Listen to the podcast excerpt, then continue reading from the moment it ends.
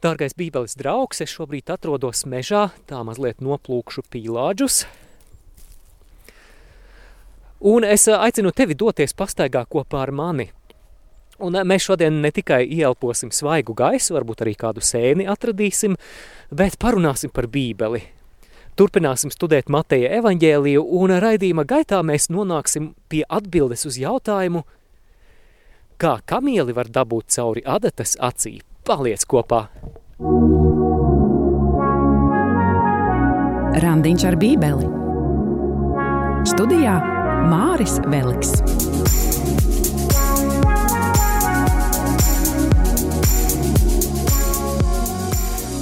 Nē, patiešām nopietni. Es šobrīd patiešām atrodos mežā Daugavpils pusē, jo šajā piekdienā man ir iespēja strādāt attālināti, un tad nu, esmu devies pastaigā, lai kopā ar tevi turpinātu studēt Mateja evaņģēliju. Un šodien tad Mateja evaņģēlija 19. nodaļu mēs izlasīsim līdz beigām no vietas, kur mēs apstājāmies pagājušajā nedēļā. Tad vari atvērt Mateja evaņģēliju 19. nodaļu, Un šodien lasīsim no 16. līdz 30. pantam. Mēs lasīsim par kādu bagātu jaunekli, kurš nāk pie Jēzus un uzdot kādu ļoti, ļoti, ļoti svarīgu jautājumu. Šīs epizodes nosaukums būs Kā kamieli dabūt cauri adatas acī? Iesāksim raidījumu ar lūkšanu. Dieva tēva un dēla un svētā gara vārdā Āmen. Es lūdzu nāc svētais gars un pieskaries ikvienam šī raidījuma klausītājam. Dāvā viņiem to stiprinājumu caur vārdu, kas viņiem ir nepieciešams, un es lūdzu arī lieto mani necienīgo kalpu, lai es šo vārdu skaidrotu uzticībā tev, uzticībā baznīcai un svētā gara iedvesmā. To es lūdzu Jēzus Kristus vārdā. Āmen. Svētais Matei lūdz par mums.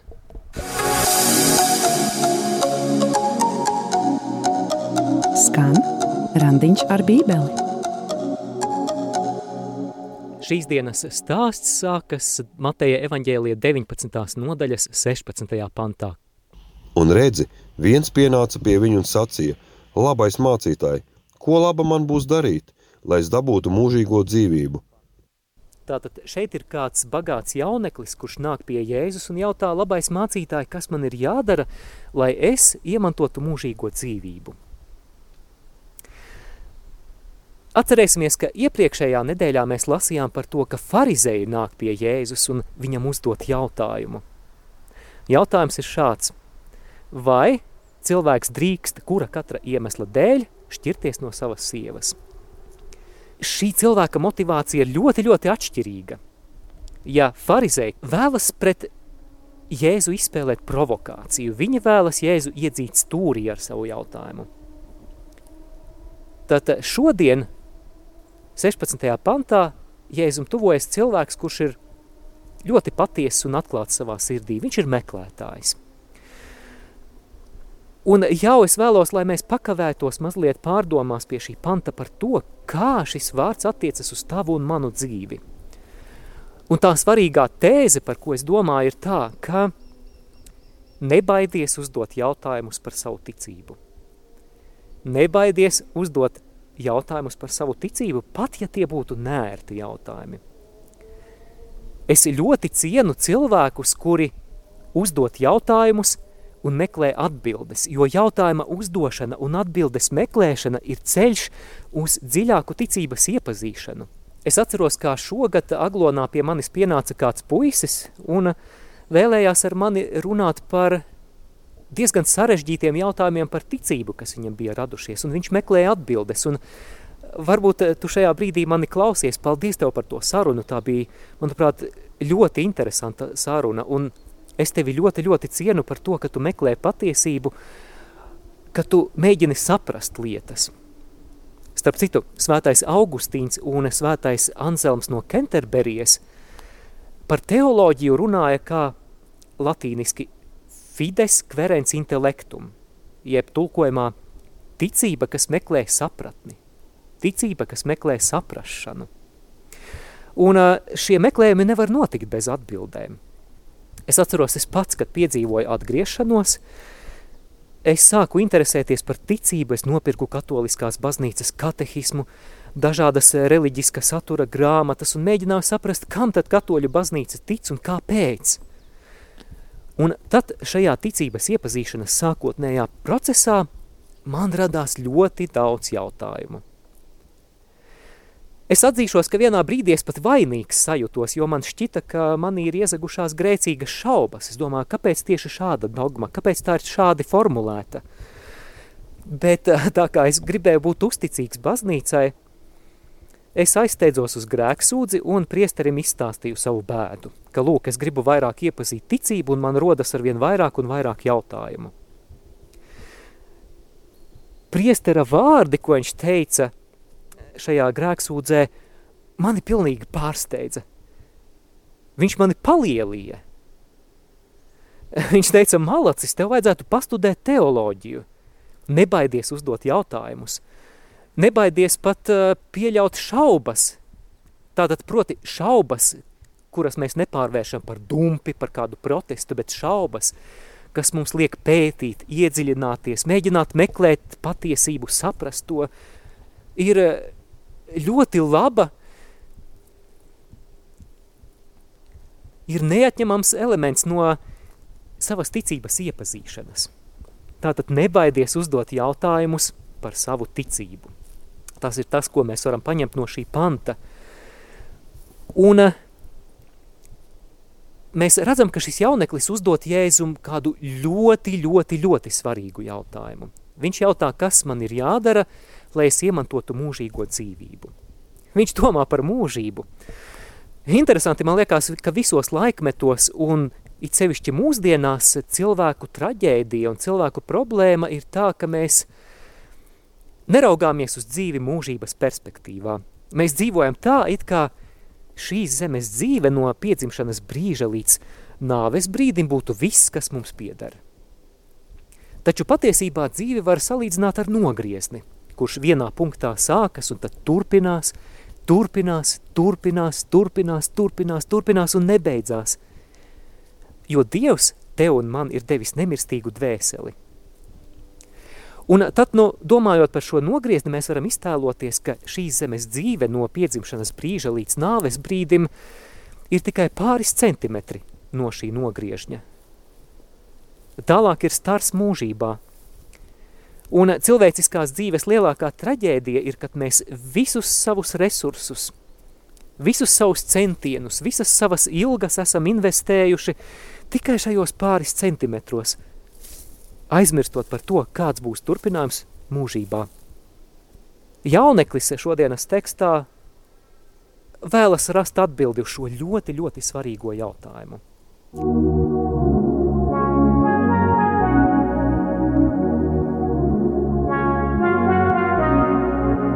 Uzmanību!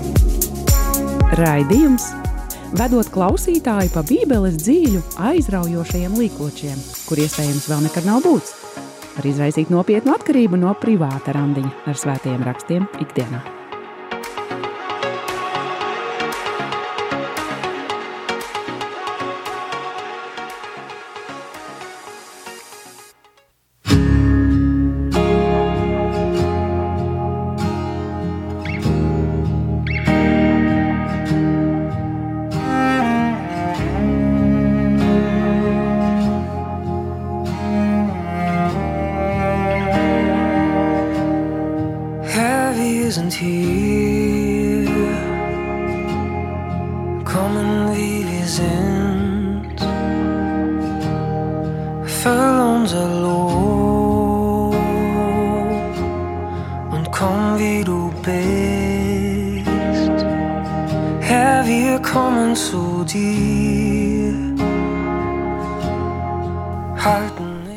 Lasām 17. pantu.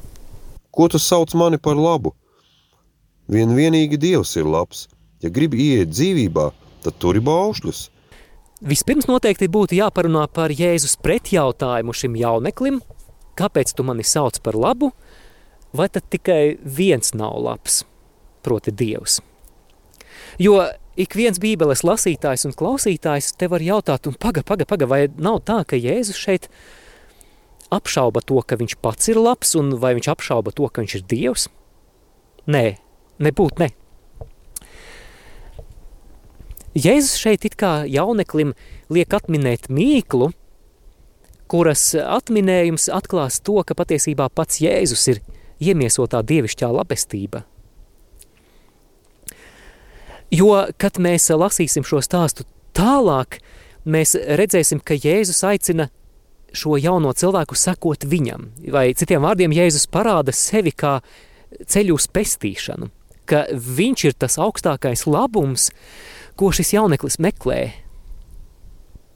Šim rēbusam seko Jēzus atbilde uz jaunekļa jautājumu. Kas viņam būtu jādara, lai iemantotu mūžīgo dzīvi? Un Jēzus atbild, ja tu gribi ieiet dzīvībā, tad turi baušļus paklausīt Dieva gribai un pildīt viņa baušļus, kā ceļš uz dzīvību, ir motīvs, kas vies cauri visai vecajai derībai. Piemēram, sakām vārdu grāmata, jeb Sālamana pamācības 19.16, kas glabā tā kunga bauslību, tas saglabā savu dzīvību, bet kas nepiegriež nopietnu vērību savam ceļam, mirs. Šo domu Jēzus pārfrāzē un atkārto šim bagātajam jauneklim, sakot, bet ja tu gribi ieiet dzīvībā, tad turi baušļus. Bagātais jauneklis vēlas precizējumu, kuri tad īsti ir tie baušļi, kuri ir jāievēro. Lasām no 18. līdz 19. pantam. Tas saka viņam, kurus, bet Jēzus sacīja, tev nebūs nokaut, tev nebūs laulība pārkāpt, tev nebūs zakt, Tev nebūs nepatiesa liecība dot, godā savu tēvu un māti, un tev būs savu tuvāko mīlēt kā sevi pašu. Jaunais cilvēks jautā Jēzum, kur ir tie baušļi, kas viņam ir jāievēro. Un ļoti labs jautājums, ņemot vērā, ka vecajā derībā ir vairāk nekā 600 dažādi priekšraksti, mēs varētu sacīt, vairāk nekā 600 baušļi. Tad nu, šis jauneklis vēlas saprast, kas tad ir tas būtiskākais. Kas ir tas, kur ir vērts visvairāk ieguldīt sevi? Kas tad ir tā prioritāte, kas ir jāuzstāda? Jēzus atbildot uz šī jaunekļa jautājumu, vērš viņa uzmanību uz visas mūzus likumdošanas pašu sirdi, pašu kodolu, ko mēs pazīstam kā dekalogu, jeb desmit dieva baušļus – Jēzus šeit citē dažus no šiem baušļiem. Tev nebūs zakt, tev nebūs nepatiesu liecību dot, godā savu tēvu un māti, mīli savu tuvāko kā sevi pašu. Jēzus šeit citē izceļošanas grāmatas 20. nodaļu un arī Levītu grāmatas, jeb trešās mūcas grāmatas 19. nodaļas 18. pantu, kur ir rakstīts, tev būs mīlēt savu tuvāko kā sevi pašu. Ko tad atbild bagātais jauneklis? Lasām 20. pantu. Jauneklis viņam saka, to visu esmu turējis, kā vēl man trūkst? Jaunekļa jautājums, kā man vēl trūkst, nav viņa augstprātības izpausme, ka lūk, es esmu perfekts, esmu visu sasniedzis. Patiesībā, kā mēs dzirdējām, šis jauneklis vēlas pacelt latiņu vēl augstāk. Viņš jautā, kas man vēl jādara. Proti, nu, Jēzu, pasaki man, vai ir manā dzīvē tāda joma, kur es kaut ko varu vēl uzlabot, kur man kaut kā pietrūkst līdz pilnībai? Vēl viens ļoti labs, ļoti sakrīgs jautājums. Arī mēs, kas esam visi aicināti uz svētumu, varam jautāt sev, kas ir tā joma vai jomas, kur man kaut kas ir jāmaina ar Dieva žēlastību. Reiz kalpojot slimnīcā ar svētā Kamila grupiņu, mēs apstaigājām palātas un slimniekiem stāstījām, ka šovakar mise ir pieejama slimnīcā un arī priesteris ir gatavs uzklausīt grēksūdzes, kam ir interese. Un divas dāmas palātā ar lielu pārliecību atbildēja, ka viņas ir katolietes, bet ka viņām nevajag grēksūdzi, jo viņām nav grēku. Pēdējo reizi pie grēksūdzes ir bijušas pirms daudziem, daudziem gadiem, bet viņām nav grēku ļoti bīstams un ļoti slidens sirds stāvoklis. Jo apustulis Jānis 1. Jāņa vēstulē 1. nodaļā 8. pantā mūs brīdina. Ja sakām, ka mums nav grēka, tad maldinām paši sevi, un patiesība nav mūsos. Savukārt, ja atzīstamies savos grēkos, tad viņš ir uzticīgs un taisns, ka viņš mums piedod grēkus un šķīsta mūs no visas netaisnības. Lūk, tā apustulis Jānis. Šis jauneklis, kurš nāk pie Jēzus, gan vēlas vairāk, un tāpēc jautā, kā man vēl trūkst? Jēzus atbilde 21. pantā. Jēzus tam sacīja, ja tu gribi būt pilnīgs, tad noej, pārdod visu, kas tev ir, un atdod to nabagiem, un tev būs manta debesīs. Un tad nāc seko man. Jēzus redz cauri šim jauneklim, un viņš zina, kas ir šī jaunekļa problemātiskā sfēra. Ar savu atbildi Jēzus it kā iebaksta šim jaunietim sāpīgajā vietā, 21. pants.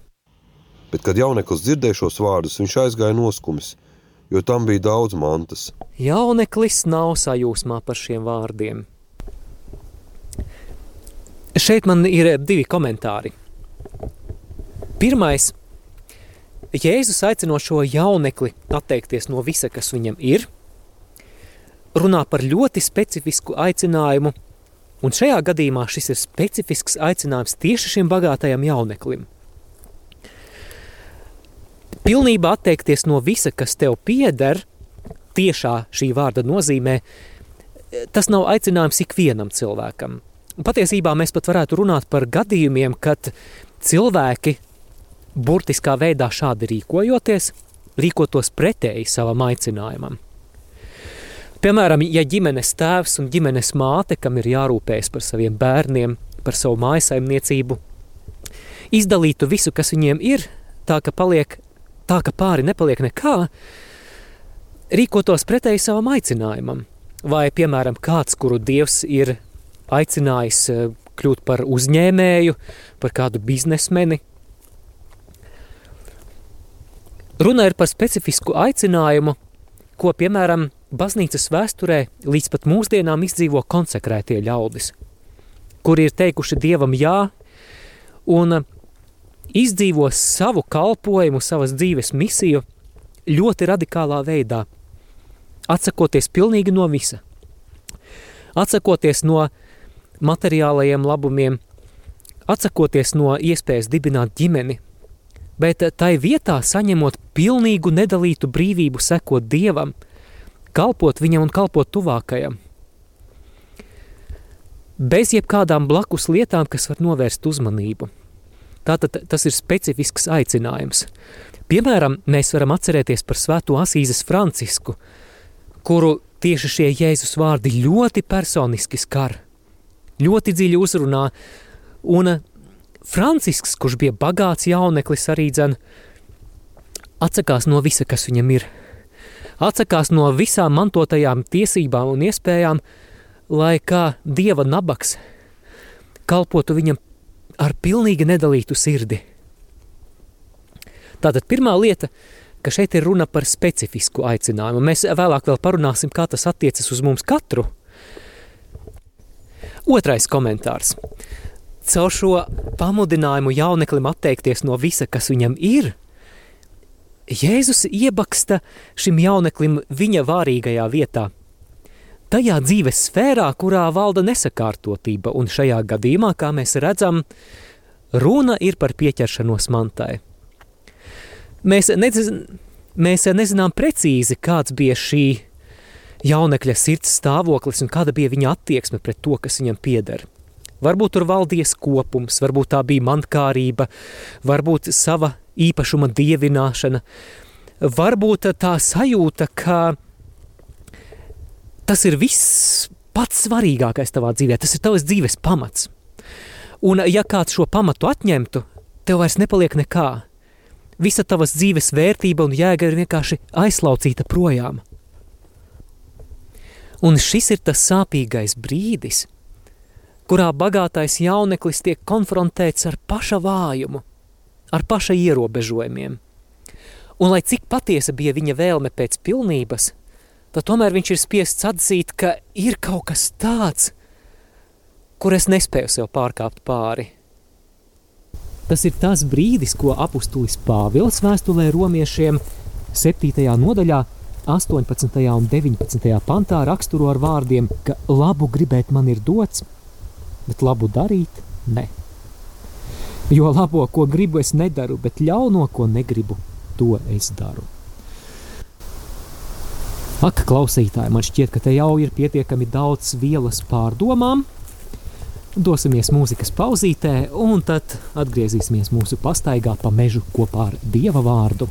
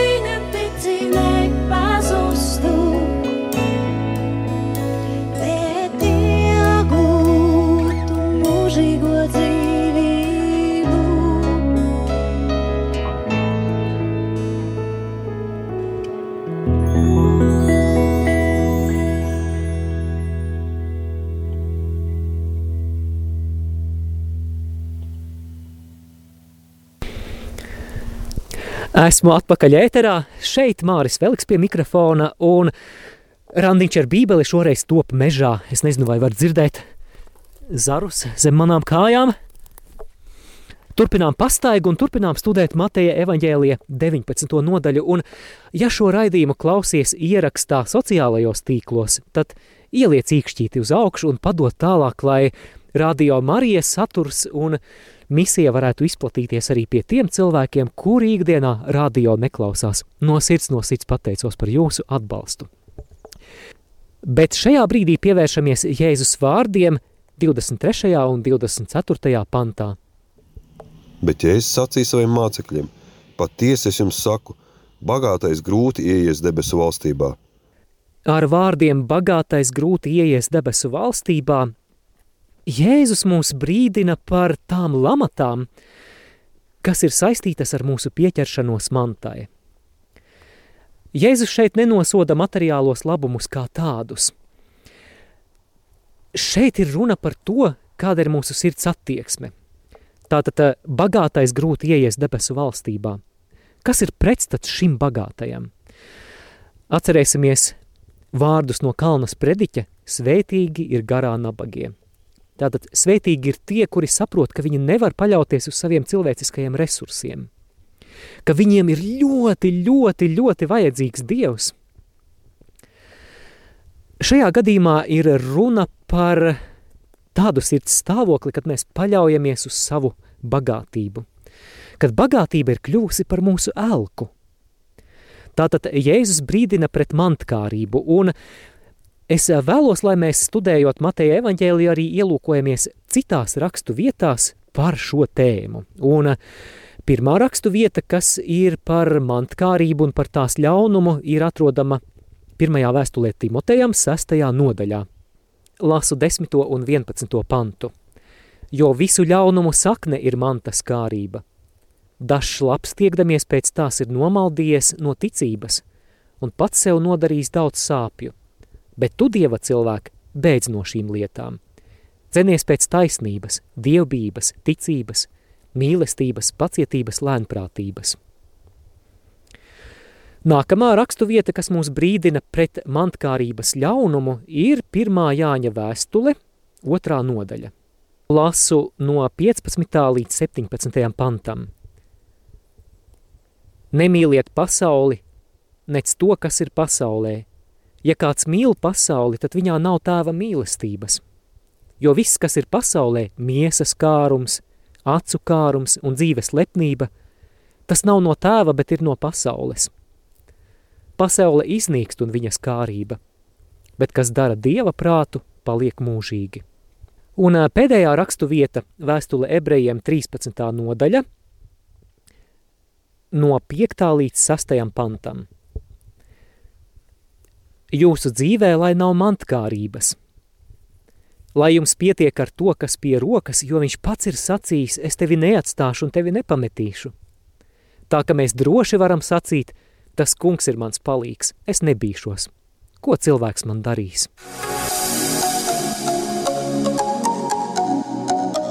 Skan randiņš ar bībeli.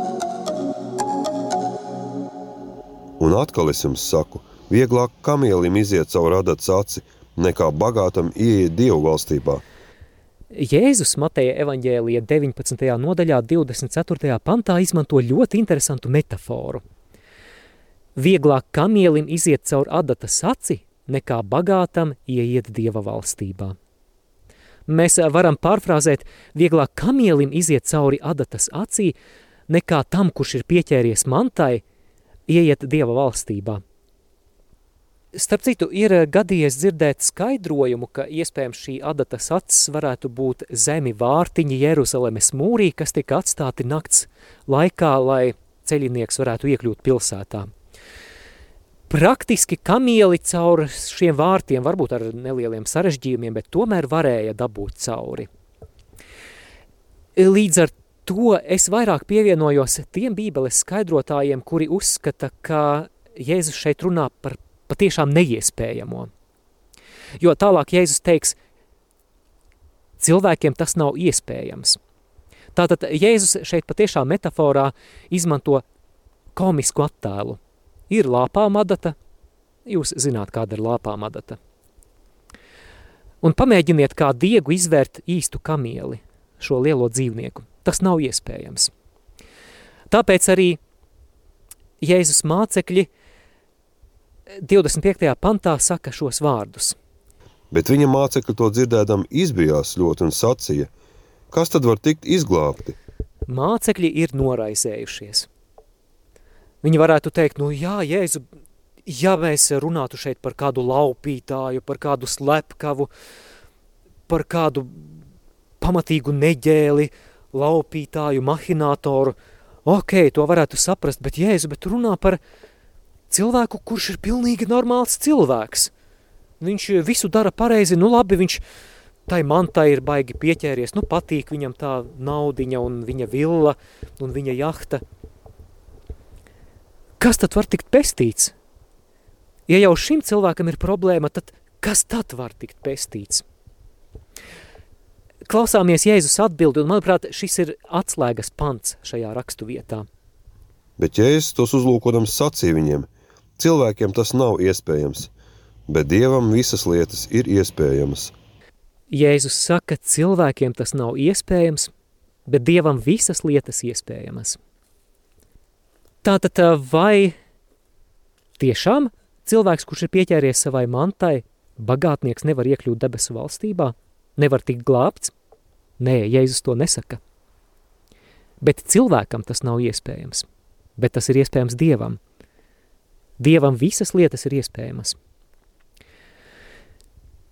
Šis pants, manuprāt, mūs noved pie kādai ļoti svarīgai patiesībai, par ko mēs lasām svētajos rakstos un ko, manuprāt, ļoti spilgti noformulē apustulis Pāvils vēstulē romiešiem 3. nodaļā 23. pantā.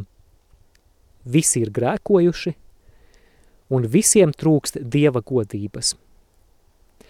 Jā, šīs rakstu vietas kontekstā runa ir par pieķeršanos bagātībai – bet tas ir šī konkrētā cilvēka gadījums. Kādam citam varbūt tā ir nepiedošana un naids pret kādu cilvēku. Kādam citam varbūt tā ir nešķīstība. Kādam citam varbūt tie ir meli. Kādam citam tā ir paviršība un neizdarība. Kādam citam tā ir vienaldzība pret Dievu. Vai lielai daļai cilvēku tas ir viss kopā. Visi ir grēkojuši un visiem trūkst Dieva godības. Tad, nu ņemot vērā šo evaņģēlie patiesību, ka ik viens ir grēkojis un visiem ir vajadzīga Dieva žēlastība, mēs varētu sacīt, ka teiciens vieglāk kamielim iziet caur adata saci, nekā bagātam ieiet Dieva valstībā, var tikt, pār, var tikt pārfrāzēts vārda bagātam vietā liekot jebkuru citu grēku. Vieglāk kamielim iziet caur adata saci, nekā nešķīstajam ieiet Dieva valstībā. Vieglāk kamielim iziet cauri adata sacī, nekā tam, kurš tur naidu pret savu brāli ieiet Dieva valstībā. Vieglāk kamielim iziet cauri adata saci, nekā melim ieiet Dieva valstībā. Un tā tālāk un tā tālāk mēs šo sarakstu varētu turpināt. Taču šajā rakstu vietā ieskanās šī pestīšanas vēsts, labā vēsts, ka ja mums cilvēkiem pestīšana nav iespējama, tad Dievam visas lietas ir iespējamas. Un tā ir kristīgās vēsts būtība, tas ir kristīgās vēsts centrā, ka Dievs visu ir izdarījis mūsu vietā, ka Dievs visu ir izdarījis mūsu vietā. Jēzus ir nomiris par mums pie krusta, viņš ir izpircis mūsu grēku parādu, viņš ir izpircis mūs no mūžīgās pazušanas. Dievam viss ir iespējams. Thank you.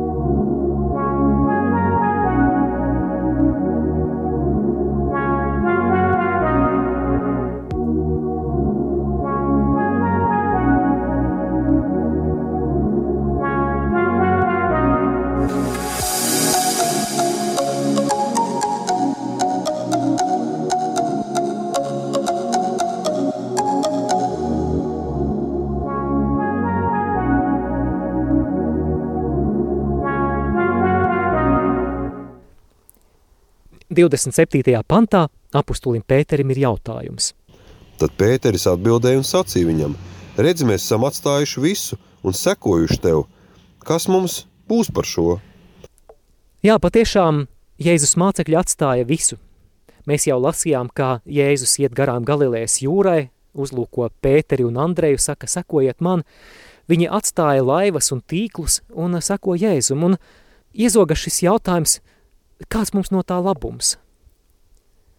Vai ir kāds ieguvums no tā visa? Un Jēzus atbilde 28. pantā. Bet Jēzus sacītiem, patiesi es jums saku, jūs, kad man sekojuši tagad jaunajā pasaulē, tad, kad cilvēka dēls sēdēs uz sava godības troņa, arī sēdēsiet uz 12 troņiem un tiesāsiet 12 Izraēla ciltis, un kas atstājas mājas vai brāļus un māsas, vai tēvu un māti, vai bērnus, vai tīrumus mana vārda labad, tas simtkārtīgi saņems atpakaļ un iemantos mūžīgu dzīvību. Tātad viens no ieguvumiem sekošanai Jēzum un atsacīšanās upurim ir tas, ka Jēzus mācekļi valdīs kopā ar Jēzu. Un baznīcas kontekstā mēs varam teikt, ka Jēzus šeit saka tā, ka runa šeit ir par augšām celšanās laikmetu. Pēc augšām celšanās Jēzus Mateja evaņģēlija 28. nodaļā saka, ka man pieder visa vara debesīs un virs zemes. Tātad Jēzus valda. Jēzus šeit apsola, ka arī jūs ar kopā ar mani valdīsiet. Un šī ir arī ļoti svarīga patiesība mums kā katoļiem. Mēs ticam, ka baznīca, kā vēstulē efeziešiem otrajā nodaļā, ir rakstīts, ir būvēta uz apustuļu pamata. Tātad caur apustuļiem un to pēctečiem bīskapiem Jēzus realizē savu varu baznīcā šajā jaunajā laikmetā, jaunajā Jeruzalemē. Jēzus apsola, ka tie, kas atteiksies no šīs zemes labumiem Jēzus vārda dēļ, sekošanas Jēzum dēļ, tie saņems daudz vairāk. Un kas tad ir tas, ko viņi saņems? Šī rakstu vieta to neprecizēja. Bet es piekrītu tiem šīs rakstu vietas skaidrojumiem, kas uzsver to, ka šeit ir runa par labumiem ne tikai mūžīgajā dzīvē, jo šeit ir minēta arī mūžīgā dzīvība šajā pantā. Protams, mūžīgajā dzīvē tie ir tā, ir tā manta debesīs. Mēs šeit virs zemes nespējam pat iztēloties, ko tas nozīmē. Bet um, es esmu pārliecināts, ka šeit runa ir arī par tiem labumiem, kuru mantinieks ir cilvēks jau šīs zemes dzīvē. Atsakoties no tā, kas ir šķērslis sekošanai Jēzum, tu jau šīs zemes dzīvē jau esi dalībnieks tajos labumos, ko var sniegt tikai vienotība, dziļa, dziļa vienotība ar Jēzu. Bet daudzi, kas bija pirmie, būs pēdējie, un kas bija pēdējie, būs pirmie. Šīs nodaļas kontekstā pirmie ir tie šīs zemes varenie, kuri ir bagāti, kuriem viss ir, kuri sevi uzskata par pirmajiem, par tiem veiksmīgākajiem, jeb par tiem, kuri ir bagāti šīs zemes dzīvē, bet nav bagāti pie Dieva. Mūžības perspektīvā viņi būs pēdējie. Savukārt pēdējie, tie, kam nav paliekoša labuma šeit virs zemes, tie, kas ir garā nabagie, tie, kas saprot, ka visvairāk par visu viņiem ir vajadzīgs Dievs, tie būs pirmie. Kā dzirdētais attiecas uz manu dzīvi?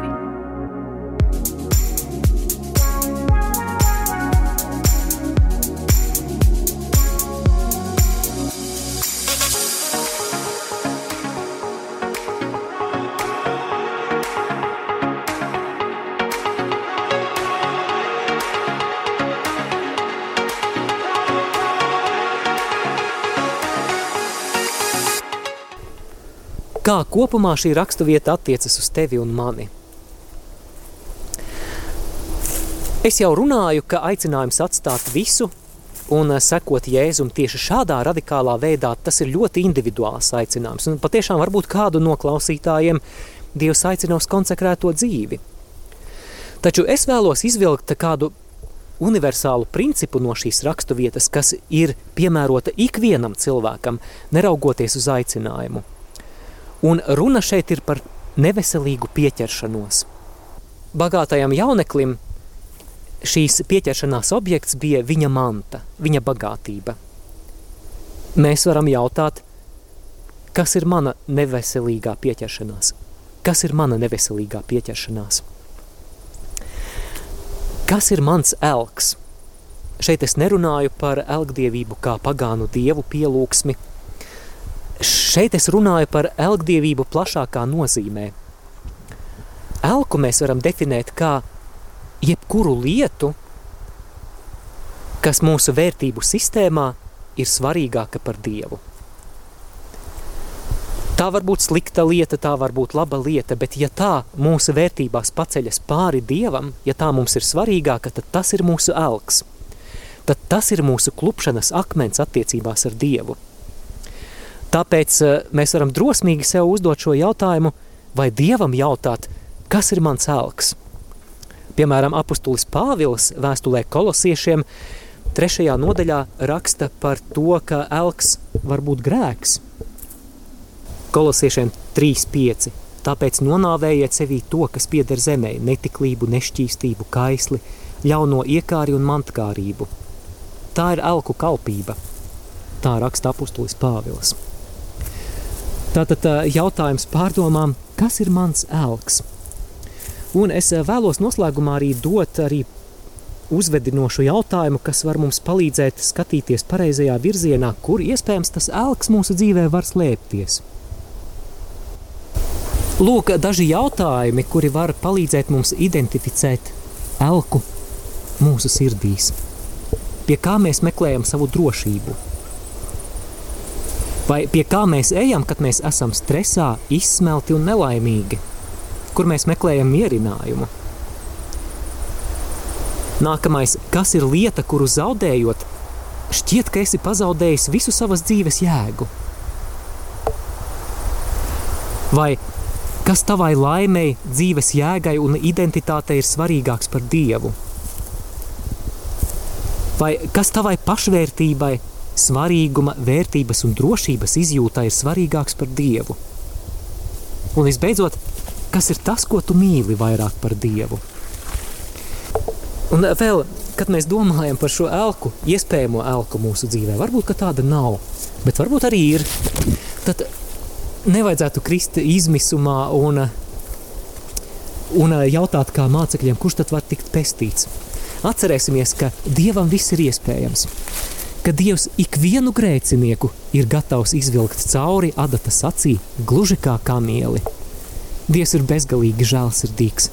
Dievs tevi ļoti, ļoti mīl. Dievs ir visu izdarījis caur Jēzu Kristu, lai tu vari būt drošībā ar viņu, lai tu vari būt vienotībā ar viņu. Ar šo mēs arī noslēdzam mūsu pastaigu mežā. Sēnes man ēd, ēdamas sēnes man gan neizdevās atrast, bet man bija prieks kopā ar tevi pārdomāt šīs dienas dieva vārdu.